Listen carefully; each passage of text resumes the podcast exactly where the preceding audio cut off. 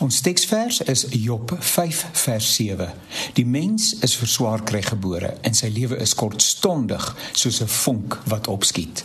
Gedurende die afgelope week of wat het minstens 2 natuurrampe gebeur wat duisende mense se lewens gekos het. In Marokko het meer as 3000 mense gesterf vanweë 'n kragtige aardbewing. In Libië het 'n duiseligwekkende 20000 mense verdrink as gevolg van oorstromings. Duisende word vermis. Dit is ontstellend om van hierdie dinge te hoor en dit op TV te sien. 'n Mens word intens bewus van jou eie nietigheid, asook die verganklikheid van die lewe. Wanneer die storm woed, oorstromings alles onder water bedek of die aarde en geboue bewe vanweë die natuur se ontsteltenis, is die mens inderdaad weglaatbaar klein. Die katastrofiese gebeure vra nie eers na jou getuigskrif, jou jongste bankstaat, jou titel of kwalifikasie nie.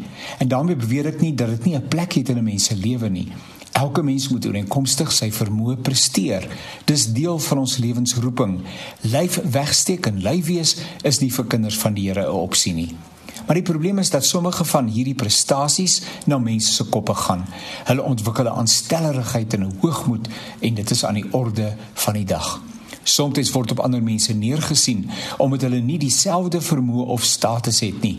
Dis daarom dom om so vernaam in jou eie oë te wees. Onthou, alles alles is genade, onverdiende guns alleen. Elke asemteug en elke tree is om met God, die God van hemel en aarde, dit in sy goedheid aan ons skenk. Dit is wie hy is. Hy is 'n goeie God. As die stroomversnelling mense meesleer, gryp jy enige hand wat na jou uitgesteek word en omgekeerd. Dan is oorlewing die hoogste prioriteit. Almal wil lewe, al gee ons soms voor dat ons so gereed is om te sterwe. Kom ons vergeet van die aanstellerigheid. Ek sê nie dat 'n mens nie jou vriende mag kies nie, inteendeel. Maak egter ook vriende met iemand wat niks kan teruggee nie.